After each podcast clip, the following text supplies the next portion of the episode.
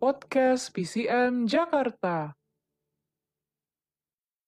Halo teman-teman PCM Jakarta, perkenalkan nama aku Mawar. Bercanda, tapi ya udah anggap aja nama aku Mawar. Saat ini aku sedang berkuliah di salah satu universitas negeri di Indonesia, yaitu Universitas Jember dengan menempuh jurusan pendidikan biologi. Di kesempatan kali ini, aku akan membagikan kasih Tuhan yang begitu luar biasa baiknya dalam menuntun perjalananku menuju perguruan tinggi negeri impian. Cerita ini dimulai saat aku masih SMA. Hampir seluruh murid di Indonesia mempunyai mimpi untuk boleh melanjutkan pendidikan di perguruan tinggi negeri. Dan aku adalah salah satu murid dengan mimpi yang sama. Sejak SMP, aku bercita-cita menjadi seorang guru, tepatnya guru matematika. Tapi saat SMA, aku harus menomor duakan cita-citaku itu demi mengabulkan permintaan mama agar aku menjadi seorang dokter. Kita semua tahu menjadi seorang dokter bukanlah perkara yang mudah. Mulai dari persaingan yang super ketat, kemampuanku yang jauh dari kata sempurna, belum lagi biaya kuliah yang sangat mahal. Tapi demi mama, aku mencoba untuk menyukai pelajaran biologi. Saat itu mama juga memberikan aku les tambahan dengan biaya yang lumayan mahal. Karena itulah aku semakin tidak punya alasan untuk menolak permintaan mama saat itu. Singkat cerita, di tahun 2019, waktu itu pemerintah kita bikin uh, persyaratan bikin aturan kalau ujian itu dua gelombang. Jadi untuk daftar kampus aturannya tuh kan kita ikut ujian, dapat skor di dua gelombang, baru kita daftar kuliahan kayak gitu. Jadi kita bisa uh, daftar dengan melihat skor kita gitu. Nah waktu itu aku di gelombang pertama aku ikut ujian di kampus UI dan puji Tuhan skor aku itu cukup tinggi dan nilai biologiku paling tinggi di antara semua mata pelajaran. Jadi waktu itu pelajarnya ada TPS, ada matematika IPA, kimia, fisika, baru biologi, dan biologiku paling tinggi. Lanjut di gelombang kedua, waktu itu aku lama daftar jadi aku kehabisan bangku di UI dan mau nggak mau aku ikut ujian di Serang. Waktu itu aku ingat banget mama sampai bela-belain ngerental mobil biar kami sekeluarga bisa ikut aku ujian. Tapi aku kecewain mereka dengan hasil di gelombang kedua yang lebih rendah dari di gelombang pertama. Dan nilai biologiku paling rendah juga di antara ketiga mata pelajaran lainnya. Karena hasil per hasil yang sangat tidak konstan itulah aku menjadi bingung. Aku bingung untuk melanjutkan hmm, kedokteran kayak itu jadi saat itu apa ya aku jadi milih di hmm, jurusan keperawatan. Waktu itu aku pilih di Udayana Bali sama Jember. Dengan jurusan yang sama yaitu perawat. Waktu itu aku cuma mikir mau jadi dokter ataupun perawat toh dua-duanya sama-sama kerjanya di rumah sakit. Jadi ya udahlah paling mama bisa ngerti gitu. Tapi ternyata enggak. Mama waktu itu marah ya nggak marah sih kayak kecewa aja gitu. Kenapa aku ngambil ke mengambil keperawatan tanpa bilang ke mama dulu? Ya aku salah gitu.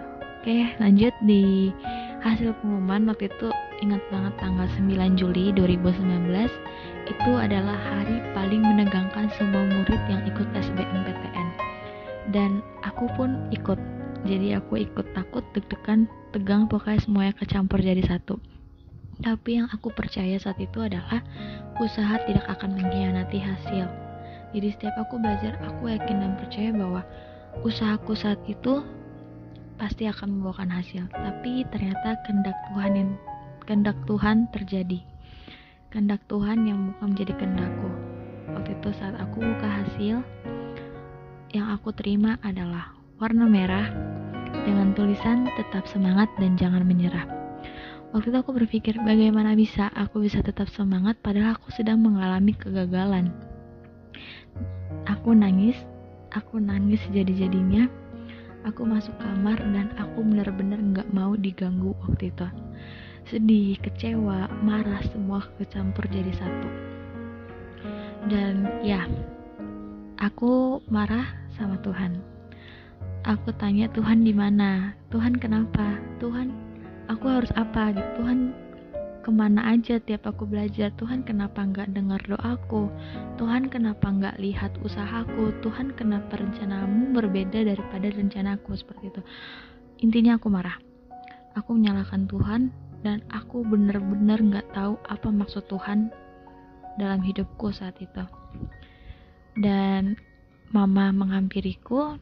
Waktu itu mama cuma bilang nggak apa-apa kamu kan sudah usaha tapi aku bisa lihat dengan sangat jelas di sorot mata mama tuh mama kecewa banget. Kecewa banget karena anaknya mengalami kegagalan kayak gitu. Dan mama cuma tanya terus gimana rencana kamu? Aku putusin buat mah aku mau gap year aja. Aku mau coba ujian lagi di tahun depan gitu. Uh, ya mama mendukung dan mama mama nggak keberatan kalau aku harus gap dulu tahun 2019 berapa hari kemudian aku di mendapat pesan dari salah satu temanku dia tanya gimana hasilnya? Dan ya aku cuma bisa jawab belum dikasih Tuhan kayak gitu. Terus dia tiba-tiba menawarkan aku pekerjaan kamu mau kerja nggak? Kerja apa tuh? gitu. Uh, menjadi seorang guru. Wow aku benar-benar nggak tahu rencana Tuhan apa lagi. Aku dikasih kegagalan tiba-tiba aku ditawari pekerjaan yang sesuai dengan cita-citaku itu menjadi guru. Dan tanpa perlu basa-basi tanpa perlu pikir panjang aku terima tawarin itu. Dan saat tahun ajaran uh, dimulai tahun 2019 tahun 2020 aku resmi menjadi seorang guru. Ya belum guru sepenuhnya sih cuman guru les tapi judulnya guru ya kan? Maksa. Dan selama setahun selama aku gap aku mengisi kegiatan uh, dengan mengajar dan mengisi waktu luangku dengan belajar dan latihan-latihan soal. Serta uh, ikut tryout juga sih. Banyak ikut tryout kayak gitu. Hingga pada suatu ketika saat itu aku ingat aku mau ikut tryout dan mama tiba-tiba marah Mama tanya, ngapain kamu belajar? Ngapain kamu kul ngapain kamu ikut-ikut ujian? Ngapain kamu ikut-ikut tryout kalau ujung-ujungnya kamu gagal? Uangku udah habis banyak buat les kamu. Uangku udah habis banyak buat uh, ongkos kita ke Serang, tapi kamu gagal gitu. Versi kasar ya, ini versi halus yang aku kasih. Dan saat itu aku benar-benar terpukul sama omongan mama, di mana aku bisa dengar dengan jelas bahwa mama sangat-sangat kecewa. Dan untuk kesekian kalinya aku lagi-lagi menyalahkan Tuhan. Aku marah sama Tuhan dan ya gitulah. Aku mengurung diri di kamar. Esokan paginya mama menghampiriku dan mama minta maaf uh, singkat cerita di tahun 2020 kita semua tahu bahwa Indonesia dilanda oleh sebuah virus corona yang membuatku terpaksa berhenti bekerja.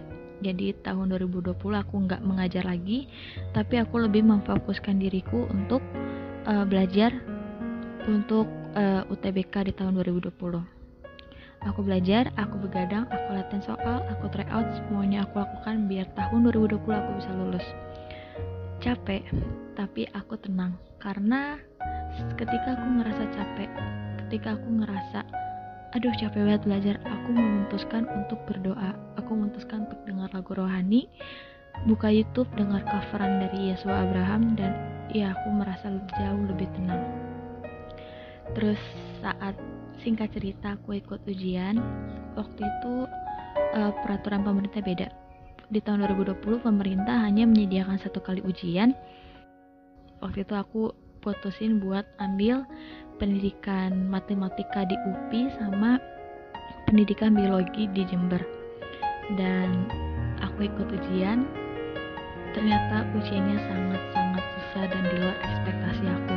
Di luar dari semua yang sudah aku pelajari. Aku nangis enggak nangis sih aku takut banget. Aku bener-bener nggak tahu apa-apa. Dan aku ngasal. Hampir semua soal aku ngasal. Dan tiap soal yang aku ngasal aku cuma doa Tuhan semoga benar Tuhan semoga benar. Dan yaudah aku bisa ikut ujian. Dan sampainya di rumah aku langsung mencari semua sumber informasi tentang ujian mandiri. Aku langsung daftar di banyak ujian mandiri tentunya dengan biaya ujian pakai uang hasil keringatku sendiri dari guru les itu. Dari hasil aku mengajar les. Ya kalian ngerti kan kayak gitu.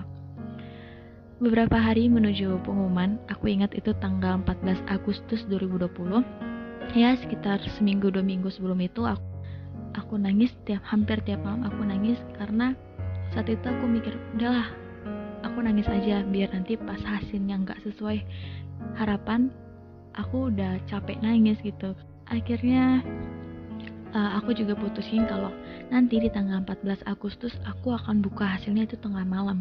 Jadi misalkan aku nggak lolos lagi aku hanya menangis sendirian tanpa keluargaku tahu kayak gitu. Hasil pengumuman hasil pengumuman pun tiba. Waktu itu pengumuman uh, keluar jam 3 dan pas banget jam 3 aku putuskan untuk tidur aku hapus semua sosial mediaku aku matiin HP karena aku benar-benar nggak mau ditanya-tanya kayak yang tahun lalu. Jadi aku matiin HP aku hapus semua sosmed aku tidur. Tidurku nggak nyenyak bener-bener nggak nyenyak. Aku kebangun jam 5 dan ya aku bangun-bangun takut Tuhan. Aku penasaran tapi aku takut gitu dan ketika aku bangun aku bisa dengar suara mama tanya mana nomor ujian kakak? gitu. Untung aku pinter.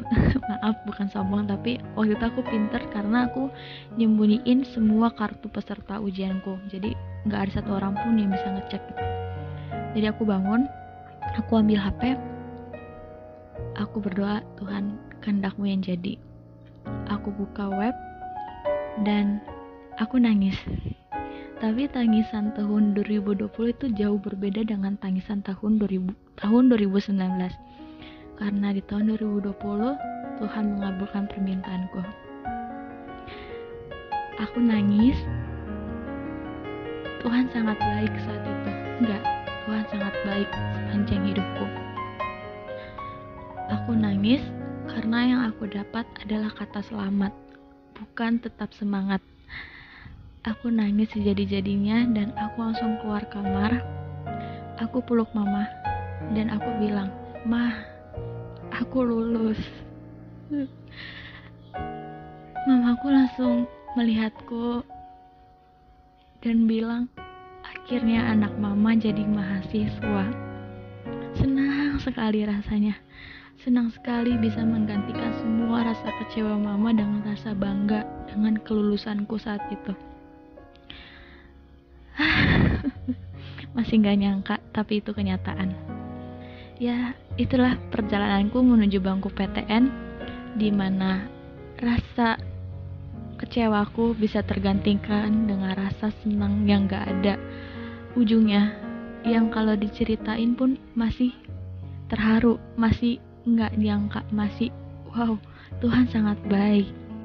Dari pengalamanku ini aku belajar dua hal yang pertama adalah Tuhan membuatku gagal karena Tuhan tahu mimpiku karena Tuhan tahu cita-citaku dan Tuhan tahu kemampuanku Tuhan tahu aku pasti bisa lewatin itu makanya aku dikasih kegagalan seperti itu pelajaran kedua adalah kegagalan merupakan bagian dari kehidupan yang gak bisa kita hindari tapi harus kita hadapi.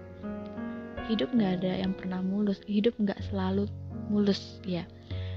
Pasti akan ada saatnya kita jatuh, kita gagal, tapi ya itu semua udah masuk dalam rencana Tuhan. Tuhan sudah rencanakan kegagalan itu dalam porsi setiap kehidupan manusia dan rencana itu sudah ada sejak kita masih dalam kandungan dan ya jadi jangan ragu sama rencana Tuhan ya terima kasih sudah dengar, sudah dengar ceritaku. Semoga bisa menguatkan. Tuhan memberkati kita. Bye bye